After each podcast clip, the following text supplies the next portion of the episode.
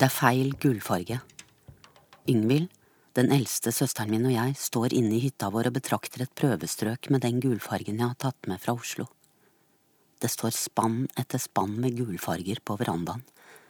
Det er da faen at dette skal være så vanskelig, da. Det klør. Yngvild vrir seg. Hun vil helst gå ned til hytta ved siden av som hun har kjøpt for mange år siden, og legge beina som verker i været, og lese bok. Jeg òg. Alt annet enn dette. Vi setter oss på plattingen utenfor hytta. Heller i kaffe. Det er ikke så mye å si. Gulfargen var feil igjen, og jeg drar til Oslo i morgen og finner en ny. Det er snart sommer. Da skal det være ferdig inne i hytta, særlig det gule. Det smaker rart av kaffen. Er det vann fra Dalsvannet, kan vi egentlig drikke det fremdeles? Nei ja, det har jo gått fint hittil, sier Yngvild.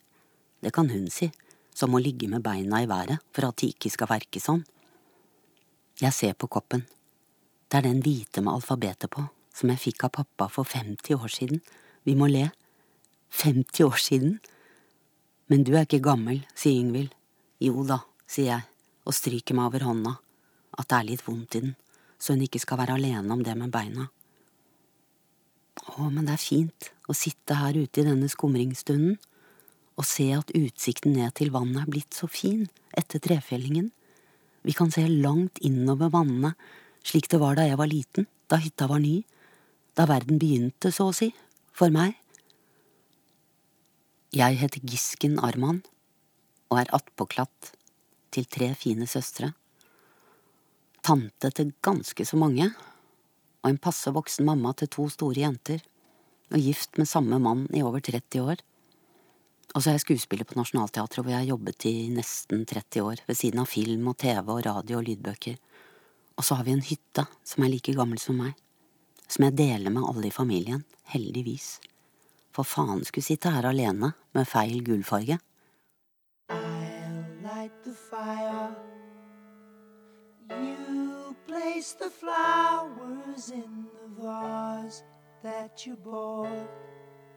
Today.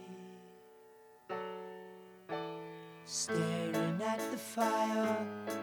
For hours and hours while I listen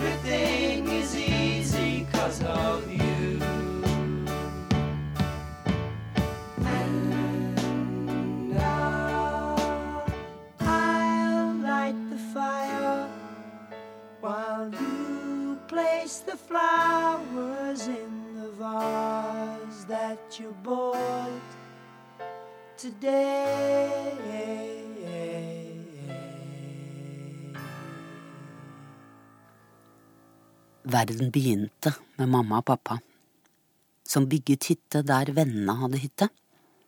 Mamma hadde møtt vennen Torolf Solheim på teaterkafeen. Han hadde en dårlig dag, og hun satte mot til ham. Du er en så grei jente, du skal ha hytte på Sørlandet, sa han. Og da det ble vår, sto de der nede på badeodden med Torolf som pekte og viste hvor hytta skulle stå. Arkitekt tegnet. Pappa vred på seg. Han hadde bare den lille skuespillerlønnen, og mamma tjente heller ikke så mye, og han ville ikke stå i gjeld til noen. Vi setter garn og spiser fisk, sa mamma. Frokost med fisk fra ferskvann og middag med fisk fra sjøen, og slik ble det. Enda et kulturradikalt tilskudd fra byen med hytte i Risør-traktene. Torolf tipset venner han likte, om tomter, og så ble det etter hvert en hel liten koloni av dem. En journalist skrev en artikkelserie om dem i ettertid, Koloniherrene i Nordfjorden, Rønnaug og Torolf Solheim, Inger og Anders Hagerup, Georg Johannessen, Helene og Per Aavatsmark, og nå altså Elisabeth og Eilif Arman. Aksel Sandemose var i Kjørkelvik, Erna og Harald Ofstad hadde også sted der nede. Hertzbergs og Nandrup Dahls kom etter hvert, forfattere, professorer, advokater, politikere og skuespillere og en lege. Sosialistisk Folkeparti hadde ett av sine utspring her, SF, som veltet hele Gerhardsen-regjeringen. Det ble oppegående sommerfester. Det sto i Dagbladet da prammen veltet da alle skulle ros over til hytta vår på fest. Venstresiden gikk i vannet ved Risør, sto det. Blant barna til venstresiden var det store ungdommer som var enda mer radikale enn de voksne. De gikk med skinnjakke enda det var sommer, og spilte gitar og satte opp teaterstykker i hagen til Rønnaug og Torolf på sommerstedet deres like ved Hagerups. Klassikere.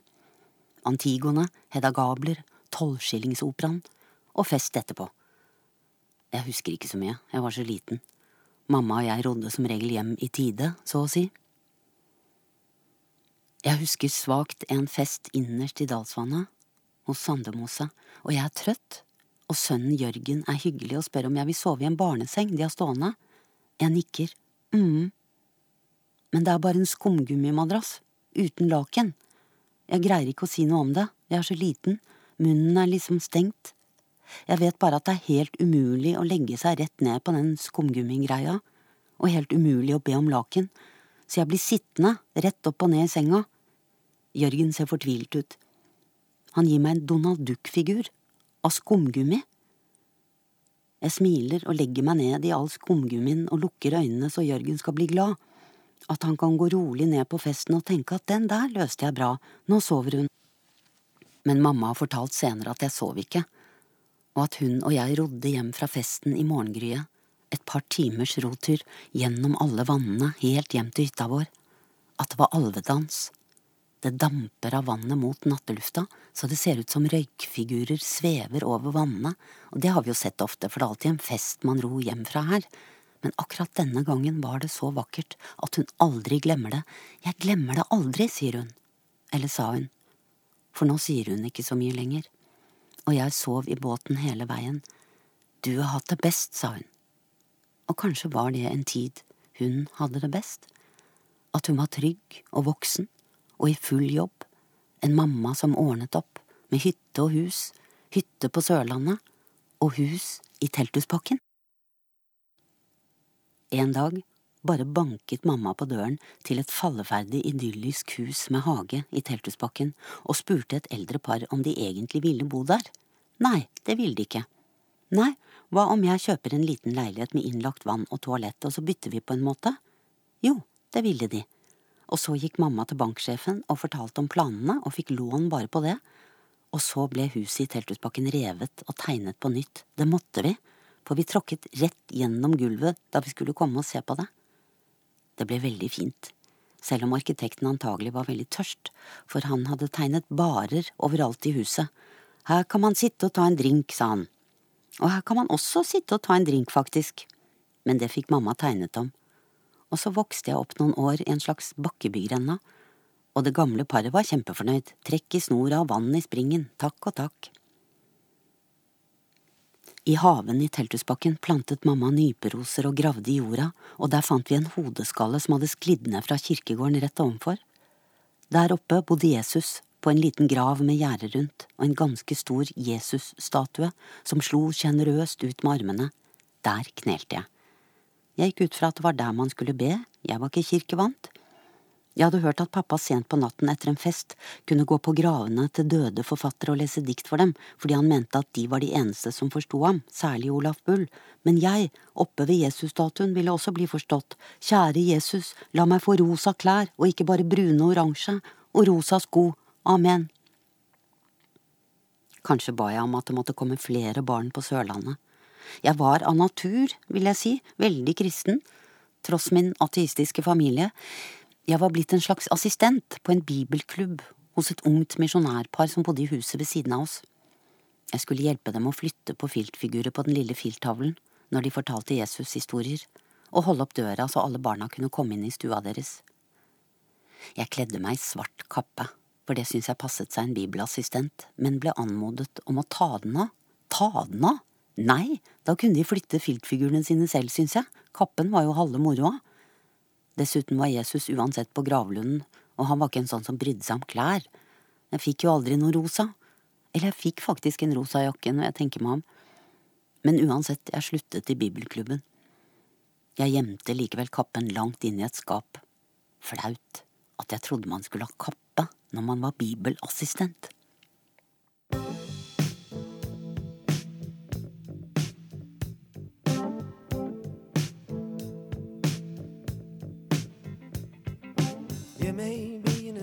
To England or France. You may like to gamble. You might like to dance. You may be the heavyweight champion of the world. You may be a socialite with a long string of pearls, but you're gonna have to serve somebody. Yes, indeed, you're gonna have to serve somebody. Well, it may be the devil or it may be the Lord, but you're gonna have to serve somebody. Maybe a rock and roll addict prancing on the stage. Money, drugs at your command, women in a cage. You may be a businessman or some high degree thief. They may call you doctor, or Uh, they may call you chief, but you're gonna have to serve somebody. Yes, you are. You're gonna have to serve somebody. Serve somebody. Well, it may be the devil or it may be the Lord, but you're gonna have to serve somebody. Serve somebody. It may be a state trooper, it might be a young Turk, maybe the head rich or poor, you may be blind or lame, maybe living in another country under another name, but you're gonna have to serve somebody. Yes, you are. You're gonna have to serve somebody. Serve somebody. Well, it may be the devil, or it may be the Lord, but you're gonna have to serve somebody. Henning og Espen Hagerup var barnebarn av Inger Hagerup. De var tynne og snille, og Henning spikret tremasker så vi kunne være usynlige på sommerfestene. Øynene på maskene var vinkorker, men ingen munn. Det var ikke så lett å se gjennom de vinkorkøynene, men det var gøy å vise dem fram. Se på oss, da, så usynlige vi er! Jeg vet ikke om det var helt sånn Henning hadde tenkt seg det. Men for å leke med Espen og Henning måtte man først ro i vann og så i sjø, så det ble med festene. Det ble stille inni meg. Fint, men stille. Pappa satt og leste hele tiden. Mamma nynnet og kanskje malte på noe, eller leste hun òg. Søstrene var store og på farten med skinnjakkene sine. Jeg hadde to kjempestore tøydukker fra riktige leker, såkalte karidukker, og på den ene skulle man tegne ansiktet på selv, og hun så ordentlig hyggelig ut, selv om man nesten ikke kunne se ansiktet, for jeg hadde tegnet det så lite. men den lå hjemme i Oslo.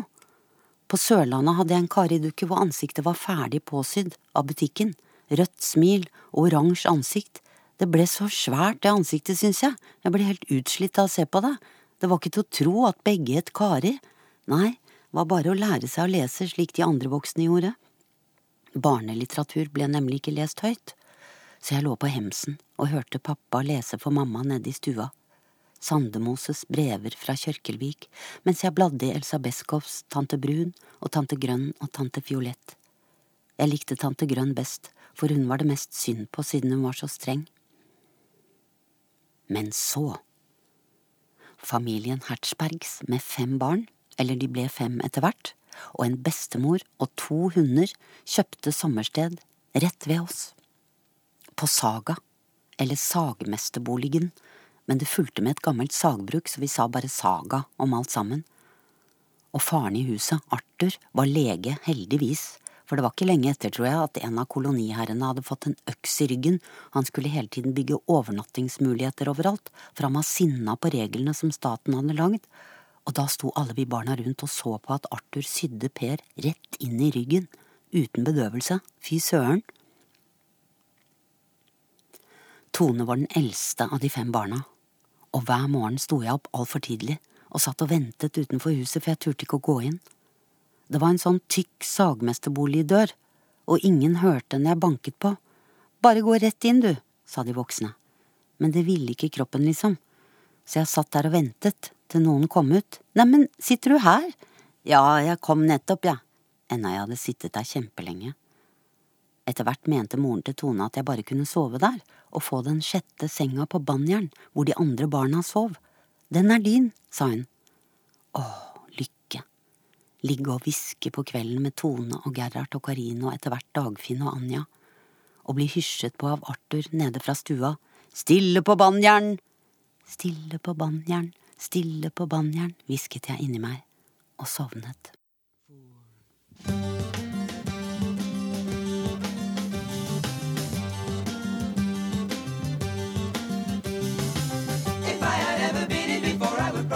Know just what to do.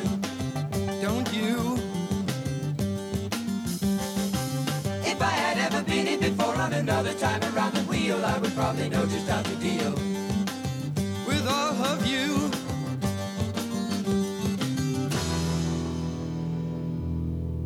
And I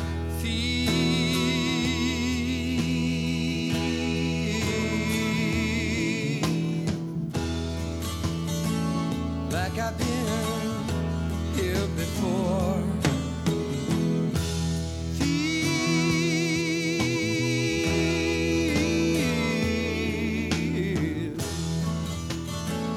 Feel like I've been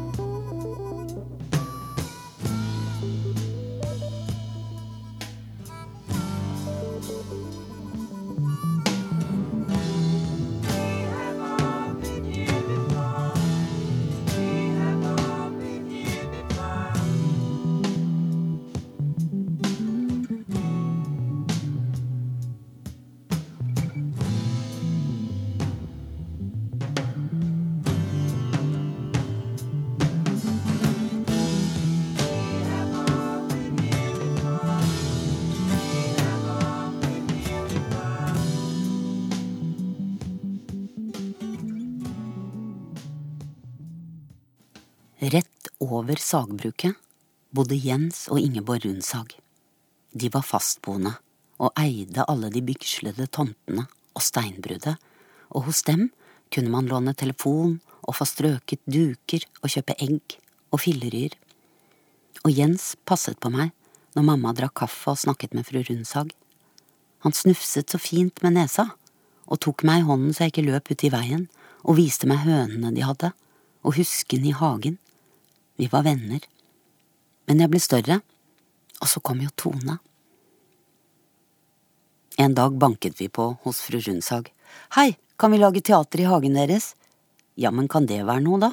Ja, det kan være noe, mente vi, og så fikk vi jordbær og fløte på kjøkkenet og ble enige om en dag, billetter måtte vi lage òg, for det er så gøy å vise at man faktisk har en billett. Et øyeblikk skal vi se, ja, her er billetten, ja, vær så god, det er kjempegøy. Vi laget stykket selv, og det handlet om jenta som ikke ville ha kjøttkaker. Jeg spilte jenta og satt i husken hele forestillingen og gjentok at jeg ikke ville ha kjøttkaker, og Tone spilte alle de andre rollene. Mammaen som ba henne komme og spise, høna som sa hun ikke ville gi egg om ikke jenta spiste kjøttkaker, og kua som ikke ville gi melk, og så videre i det uendelige med masse dyr i god gammeldags barnelitteraturisk tradisjon, og av en eller annen grunn. Jeg hjalp ellers mamma å anmelde barnebøker, var kanskje litt lei politisk korrekthet. Jenny blir skilt, og pappa tar oppvasken og hva de nå het. Tone skiftet kostymer og personlighet i ett kjør bak busken og bannet profesjonelt over mangel på påkleder og musikk mellom skiftene, enda jeg sang om igjen og om igjen Jeg liker ikke kjøttkaker mens vi ventet. Det var utmattende for alle, og hele greia endte med at Tone, svett og rasende etter alle skiftene, utkledd som jentas bror, kom stormende ut fra busken med en svær kniv og truet med å drepe jenta hvis hun ikke spiste de jævla kjøttkakene. Men vi glemte festingen. Hele poenget med å spille for de voksne er at de skal ha fest etterpå. Hos fru Rundsang ble det servert kaffe og kaker, og da kom det ikke så mange. Men nå var vi i hvert fall i gang, og neste teaterproduksjon spilte vi på Saga, på Lemmen foran sagbruket, og da kom på en måte postmodernismen til Rundshag. Her må jeg bare få si til de som har skrudd på P2 nettopp, at jeg heter Gisken Arman, og jeg holder på nå å lese noe jeg har fått lov å skrive til sommer i P2. Forbudt å gå med sko inne på det gamle sagbruket, sa moren til Tone. Er man barbeint, kjenner man etter. Og vi kjente etter og skadet oss aldri. Men en gang vi lekte gjemsel, krøp jeg langt innover et hull under gulvet, i den nederste, mørkeste etasjen, og så satte jeg fast, og ingen fant meg. Hallo, ropte jeg, her er jeg, let etter meg da, men så var det ikke mer luft igjen, stemmen ble borte. Nå dør jeg, tenker jeg, jeg dør i et nedlagt sagbruk, og det er ikke vondt, man bare ligger et sted og blir glemt. Men så fikk jeg panikk inni lungene, liksom, og gulvet var heldigvis råttent, så jeg greide å lage et hull og stakk armen ut, og da kom stemmen tilbake, og så fant de meg, de andre barna. De måtte dra meg ut etter beina siden jeg satt fast, men var ellers helt rolige. Å ja, her var du, ja, vi hadde nesten glemt deg, vi. Denne sindigheten gjorde meg betenkt, for hjemme hos oss var nevrotisisme en form for høflighet. Ole, mannen min, sier at når jeg spør om noen vil ha en kopp kaffe, så høres det ut som det er siste mulighet til å bli med i Noas ark. Nei, man skal ikke gjemme seg for godt, da kan man dø. Man kan heller leke butikk. Det manglet ikke på varer. Torolf Solheim hadde startet et politisk litteraturtidsskrift som het Fossegrimen, og jeg vet ikke hvorfor, men de lå i stabler på Saga, og da var det jo bare å klaske en bunt med Fossegrimen i bordet, da, og leke antikvariat. Hva skal du ha for disse, da? 50 øre, ja, vær så god, jeg slår til med en pakke. I dag selges faktisk Fossegrimen i antikvariatet på ordentlig, til langt mer enn 50 øre. Jeg har til og med kjøpt et. Hva skal du ha for dette, da? spurte jeg og tok opp pengene, nok en gang, 45 år senere, for gudene vet om det var det samme eksemplaret. Torolf forsøkte forresten å restarte sagbruket en gang. Det manglet ikke på pågangsmot i den generasjonen. Jeg tror han greide å få Saga til å gå, det ble i hvert fall en fest av det. Det var så hyggelig å være barn og se at de voksne samlet seg fra alle hyttene til fest. De lo sånn at det bølget i lufta. Inger Hagerup skrev i gjesteboka vår I dag er vi alle, i morgen er vi ingen.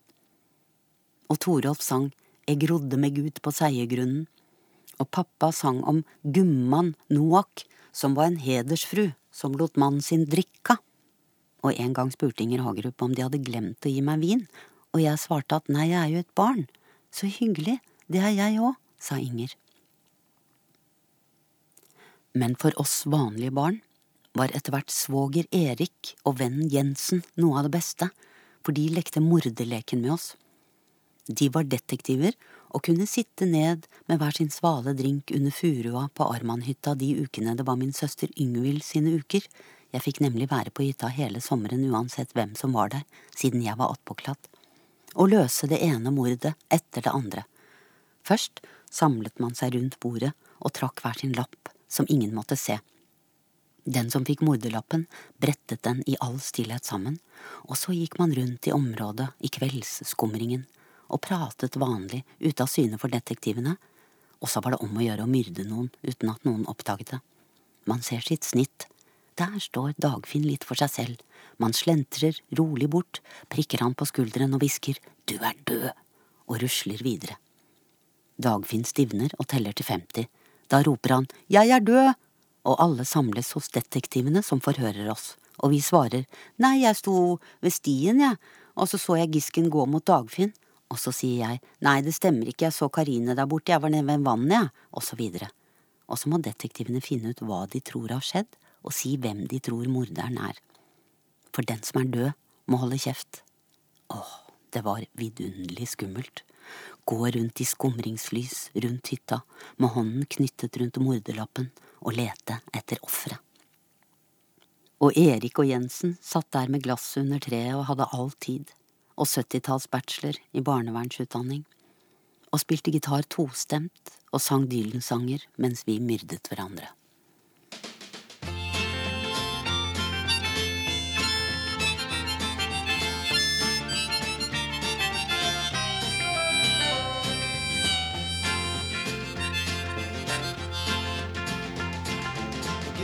Undertaker sighs, the lonesome organ grinder cries, the silver saxophones say I should refuse you.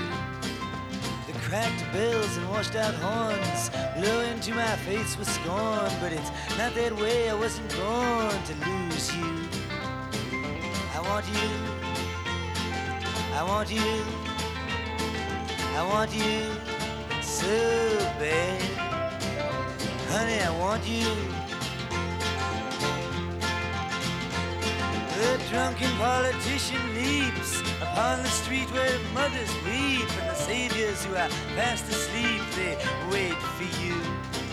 And I wait for them to interrupt me drinking from my broken cup and ask me to open up the gate for you. I want you. I want you.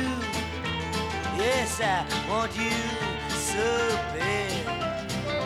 Honey, I want you. Now my fathers, they've gone down. True love, they've been without it. But all their daughters put me down, cause I don't think about it.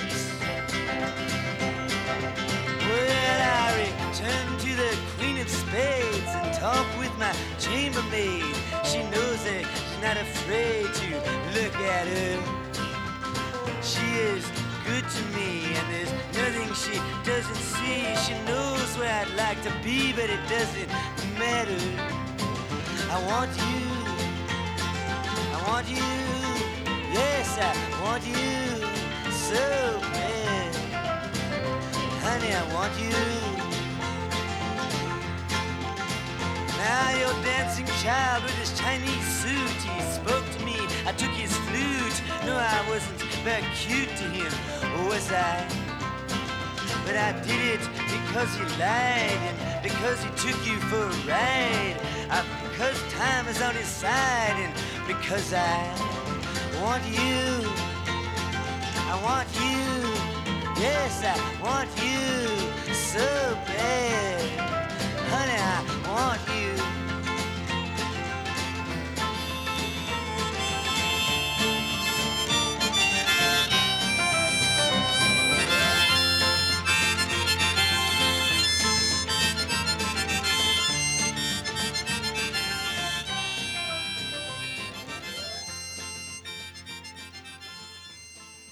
Nå er det sommer igjen på Rundsag. Og moren til Tone heier på oss og sier at Tone og jeg må lage teater igjen, på platningen foran sagbruket. De koloniherrene og damene som fremdeles var oppegående, ble invitert, eller de nå fullvoksne barna deres med familie. Og Gerhard, broren til Tone, var scenemester og ordnet med sceneteppet. De to svære Marimekko-håndklærne til moren og faren til Tone gikk frem og tilbake om han dro i en snor, men på selve premieren forsvant Gerhard med premierenerver, så vi måtte dra i den snora selv. Vi ville lage noe om kvinnesak, det var helt sikkert. Søsteren min Frøydis og pappa var skuespillere på Nationaltheatret og var med på et par av de politiske utbryterprosjektene der. Teater om og til folket, i protest mot autoritær styringsform og gammeldags bildestil og behov for å belyse maktstrukturer. Jeg hadde sett forestillingen Jenteloven om kvinneundertrykkelse mange ganger, så jeg tenkte vi kunne ta noe derfra. Livet er hardt, skulle vårt stykke hete, fritt etter jenteloven. Tone hadde ikke sett det, og jeg husket ikke så mye da det kom til stykket. Jeg husket slutten av en scene hvor damen roper til mannen sin at han kan da vel for faen koke egget sitt sjæl, men det ble ikke det samme uten resten av stykket rundt, så vi blandet inn hva vi syns passet. Jeg likte Morgan Kane og sang en trist sang om ham, det passet fint til kvinnesaken, syns vi. Født i 1855 i Santa Fe, knuste vogntog var det første han fikk se. Og så hadde Tone en monolog om en mann som heller ikke hadde det helt bra, og til slutt var jeg Tarzan og Tone en slags gorilla som jeg drepte med en svær kniv, og det var det, fritt etter jenteloven. Det må ha vært sånn passe for de eldste voksne å se ungdommen gå fra å spille klassiker og Brecht til dette postmoderne sammensuriet. Så neste år ble det de voksne som spilte teater på Saga, og vi barna som skulle se på. Nok er nok. De voksne satte opp Snøhvit og de 17 dvergene, siden de var så mange, og der var heksa den egentlige prinsessen, og Snøhvit en ond jævel som forgiftet den litt eldre prinsen, spilt av pappa. Det endte med at han ble rodd innover vannene av prinsessen, som ble spilt av søsteren min Merete, og det var vakkert og litt sørgmodig. Vi var få på publikumsbenkene. De fleste barna var så små at de heller ble med i stykket. Var det ikke gøy? spurte alle de voksne Tone og meg etterpå. Og det var jo gøy. Det var jo kjempegøy. Men jeg var lite grann lei meg òg. Tone var òg litt stille. Ja ja, noen må jo være publikum òg, sa jeg. Jeg tror ikke det ble noe mer teater året etter det. Vi ble små ungdommer og hadde nok med å dramatisere historier fra bladet Romantikk uten publikum. Å lese R-blad var flaut, selv om en av koloniherrene, Georg Johannessen, som var professor i retorikk, sa at det var det samme hva man leste når man var ung, bare man leste, men vi hadde jo smak, så vi holdt det for oss selv. Og Tone instruerte. Her kaster hun sine grønne øyne på matrosen, og matrosen legger merke til det røde, bølgete håret og hennes yppige former. Jeg måtte være matrosen, siden jeg ikke hadde noe særlig former, men til slutt ble jeg lei og ba broren Gerhard bære meg i armene sine og synke henført ned på bakken og stønne over mitt røde, bølgete hår. Det gadd han bare et par ganger, og da var det tilbake til matrosrollen. For birollenes dronning Tone var hevnen søt. Barndom. Herregud. Ungdom. Jeg sitter på lemmen fremdeles. Min søster Yngvild har gått ned i hytta ved siden av for lengst. Bare kom ned hvis du vil, sier hun. Jeg redder opp til deg på Aschehoug. Redde opp til meg? Å, snille Yngvild. Aschehoug er navnet på annekset mamma bygget til seg og pappa slik at de fire døtrene med familie skulle få feriert her i tur og orden med barn og menn. Nå trekker vi oss litt unna, sa de. De ordnet veldig opp i det annekset. Små kroker hvor ting skulle henge, og bord man kunne slå ned og opp, og skap med netting på som liksom var kjøleskap, og de likte så godt det annekset. Og så brant det ned. En morgen våknet jeg at det regnet så hardt. Vi hadde dugnad, tror jeg, for Ingrid venninnen min var der, og det var alltid dugnad når hun kom på besøk. Har dere dugnad hele sommeren? spurte hun, men det hadde vi ikke, det var helt tilfeldig. Men nå var alle der. Jeg sto opp for å se på det rare regnet, og så var det ikke regn. Det var annekset som sto i full brann. Det regner ikke, det brenner, ropte jeg, og det hørtes ut som en dårlig replikk, men folk våknet, og vi fant ut at heldigvis sov ingen i annekset. Og fru Rundsag, som var den eneste som hadde telefon, kom løpende hele veien gjennom skogen og sa vi måtte ringe til brannvesenet. Men du er jo den eneste som har telefon, ropte Ole. Det er nesten du som må ringe. Og det var jo sant. Og da måtte hun løpe hele veien tilbake, da, og ringe. Og brannmennene kom etter hvert, roende i båt og la slangen i vannet og slukket brannen sånn, med dalsvannet.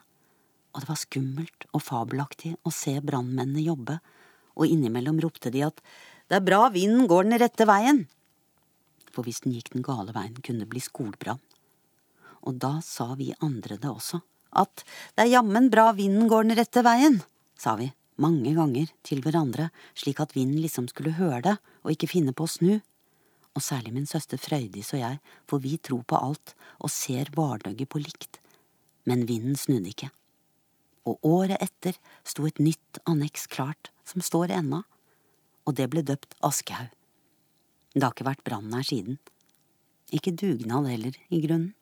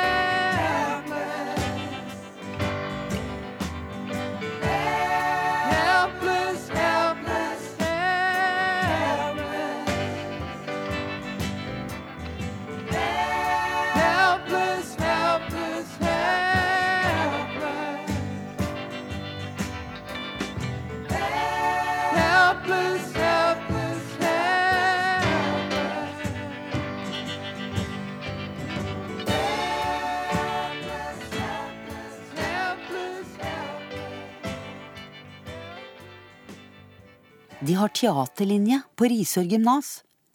Vi er i Bergen, og Ingrid står med et skjema vi skal krysse av på, for vi skal flytte til Risør. Jeg er 16 år og har bodd i Bergen siden jeg var ti. Søstrene er store og bor i Oslo. Mamma og pappa er fra Bergen og vil hjem igjen. Men nå Jeg skal gå andre videregående i Risør. Vi skal bo alene. Vi skal flytte hjemmefra. Det er på tide, forklarer jeg mamma og pappa. Dere er så voksne og kloke, jeg er jo enig med dere i alt. Det kan jo ikke være bra. Jeg må utsettes for store følelser. Jeg må leve.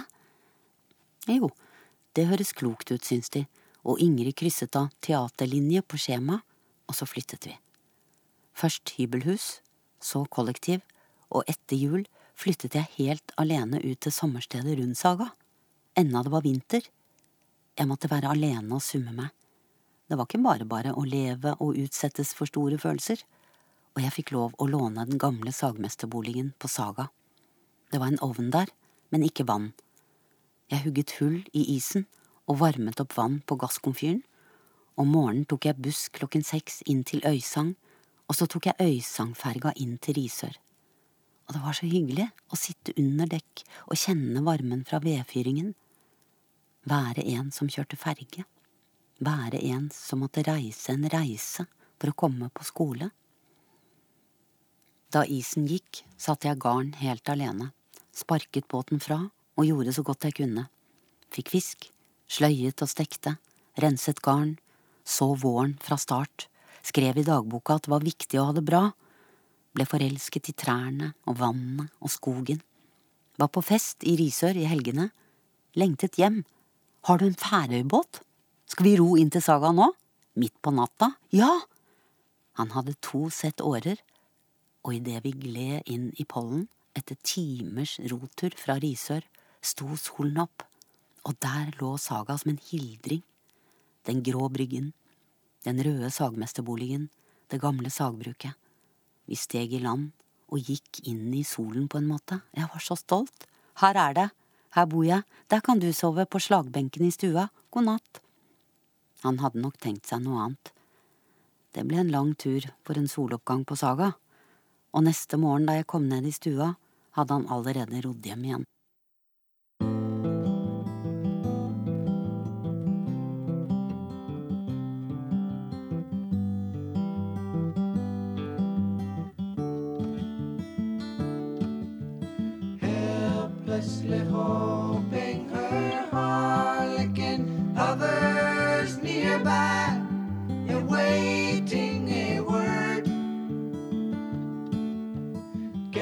Gasping at glimpses of gentle true spirit.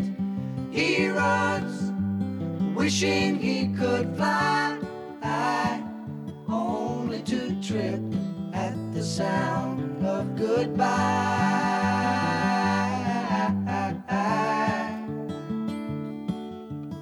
Wordlessly watching,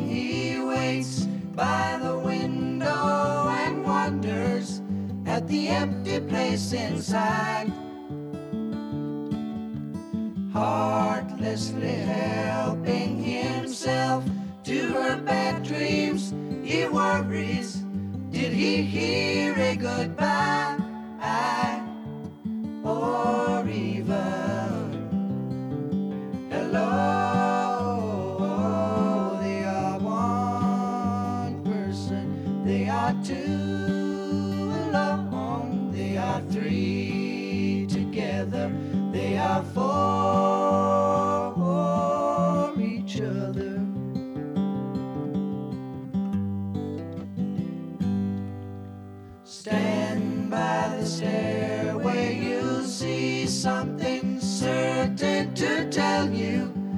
Confusion has its cost. Love isn't lying, it's loose in a lady who lingers, saying she is lost and choking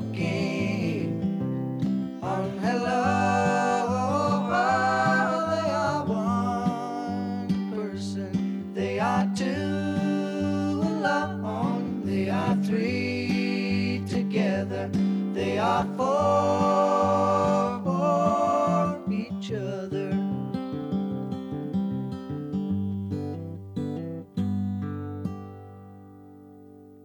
Etter en forestilling av Snøhvit og de sju, denne gang dverger, på Risør kulturhus, måtte jeg ringe hjem. Går det an å leve av å være skuespiller? Jeg spilte dvergen som snakket feil, og en slags fe som bare sa noe greier på slutten. Jeg syntes det var kjempegøy å spille den dvergen. Jeg hadde funnet faren til Tones avsagde støvler på Saga, og når jeg gikk rundt med dem, da falt dvergen på plass, og en rutete skjorte som hang i gangen. Min dverg var en ansvarsfull fyr med stort behov for å styre, men ordene kom helt feil ut av munnen. Vennene så på. Var dvergen bra? Ja, gøy, men så pen du var som hun feen. Pen? Feen, hva har det med saken å gjøre? Hun står jo bare rett opp og ned og er pen. Det er jo dvergen som er et stykke arbeid her. Jeg ringte pappa og Frøydis, som jo levde av det. Pappa som faktisk hadde forsørget oss hele livet, ved siden av mamma. Ja, man tjener lite, men det er jo ikke derfor man blir det. Ok, den er grei, men hvordan blir man det? Man søker teaterskolen, Gisken, følg med, Frøydis har gått der, og Merete går jo der nå. Sånn er det å være attpåklatt, i en annen by. De andre tror en er informert om alt mulig, og blir oppgitt når man surrer. Jeg ventet uansett noen år med å søke, jeg var jo 17. Merete. Min vakreste søster. Merete som var åtte år eldre, og gikk i niende når jeg gikk i første klasse. Hun kunne lage smale øyne og skremme gutta. Ikke gjør lillesøstera mi noe ellers, og som inviterte meg på lunsj på Grang i Oslo da jeg var 13 år og gikk på TenSing i Bergen og var blitt kristen, for å opplyse meg om hva de kristne hadde gjort av forferdelige ting for å ødelegge andre kulturer. Jeg tar sterk avstand fra din tro, sa hun og blåste røyken modent ut i lokalet. Men så ga hun meg en LP av Cat Stevens, Tea for the Tillerman, for den hadde jeg hørt henne spille siden jeg var åtte år, og nå ga hun den til meg, og det kjentes som om jeg fikk en utmerkelse, at jeg ikke var barn lenger. Nå er vi fire, tenkte jeg. Vi er ikke tre kule søstre og en kristen attpåklatt, vi er fire, uansett.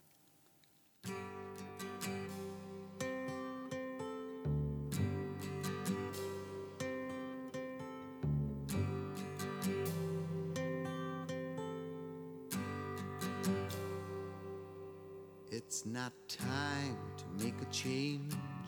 Just relax, take it easy. You're still young, that's your fault. There's so much you have to know. Find a girl, settle down. If you want, you can marry. Look at me. I am old, but I'm happy. I was once like you are now, and I know that it's not easy to be calm when you found something going on. But take your time, think a lot. Why think of everything you've got? For you will still be here tomorrow, but your dreams may not.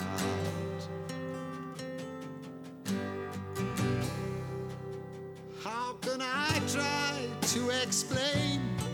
when I do, he turns away again. It's always been the same, same old story. From the moment I could talk, I was ordered to listen. Now there's a way, and I know that I have to go away. I know have to go.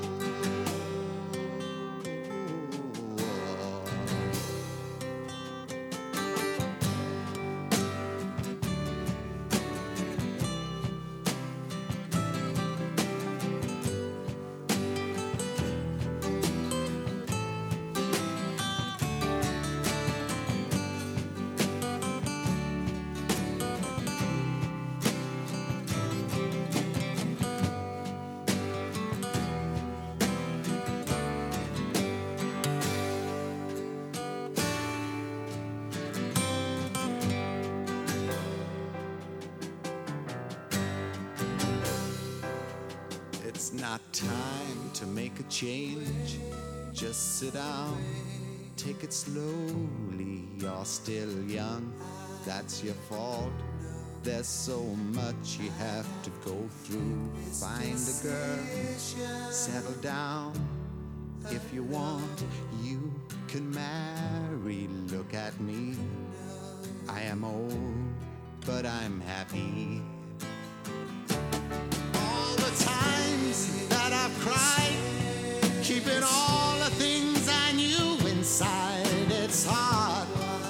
but it's harder to ignore it. If they were right, I'd agree. But it's them they know, not me. Now there's a way, and I know that I have to go away. I know I have to go. Jeg reiser meg fra plattingen. Skyller koppen på kjøkkenet, hvor nevøen min har laget hyller uten vegg, slik de egentlig var tegnet.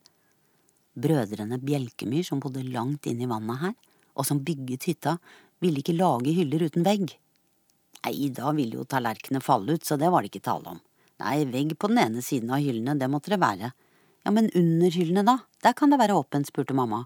Jo, greit, om det var så om å gjøre. Ja, det var det. Og så ble det en slags åpning inn til stua likevel. Man vil jo ikke være vanskelig heller. Men nå, jeg går rundt i hytta. Her har det vært flinke folk og gjort flott arbeid i det siste, bortsett fra gulfargen. Panel settes opp de stedene de bare hadde råd til plater for 53 år siden. Alle møblene er stuet inn i de to soverommene. Det ser ut som noen skal flytte inn. Eller ut. Begynner noe nytt nå? Er det ny tid? Hva slags tid er det? At vi er flinke til å dele? Ikke ha for mange ting, så vi får plass til alle menneskene? Men vi er blitt ganske så bra på det. Vi får det til. Vi holder sammen. Mamma ville blitt så glad. Og pappa. Det er jo dem vi kan takke for at vi har dette. Pappa er død. Det kjennes som han er i himmelen over alle himler og leser bøker. Og mamma, som sitter på sykehjemmet i Bergen er over 90, og tidene blander seg, og hun får ikke ut ordene hun vil si. Fabelaktig, sier hun. Hva da, mamma? Kaken? Hm, iv, ham, det, nei, det går ikke. Hun må le. Jeg må gjette. Har du det bra her? Ja, sier hun, og nikker. Ja, så bra, sier jeg med altfor lys stemme. Jeg viser bilder av hytta. Vi leter etter en gulfarge, sier jeg. Hun vifter at det er kjedelig. Det forstår seg. Jeg må finne de gamle bildene. Hun ser og ser, men kjenner ikke igjen. Peker. Meg. Ja, der er du, mamma. Og så stille. Ser rett ut i lufta. Lenge. Sitter du der og ser ut i lufta? Mamma, er det kjedelig? Hun rister på hodet. Ikke kjedelig. Jeg vet ikke om jeg skal gå, om hun heller vil sitte alene sånn og bare se ut i lufta. Og plutselig tar jeg hånden hennes og legger den oppå hodet mitt, klapper mitt eget hode med den. Mamma, her er jeg, jeg er Gisken.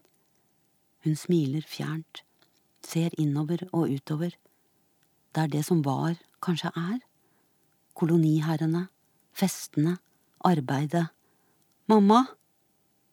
Jeg reiser meg og tar toget til Oslo igjen, finner en gulfarge, kommer hit. Feil farge, men riktig sted.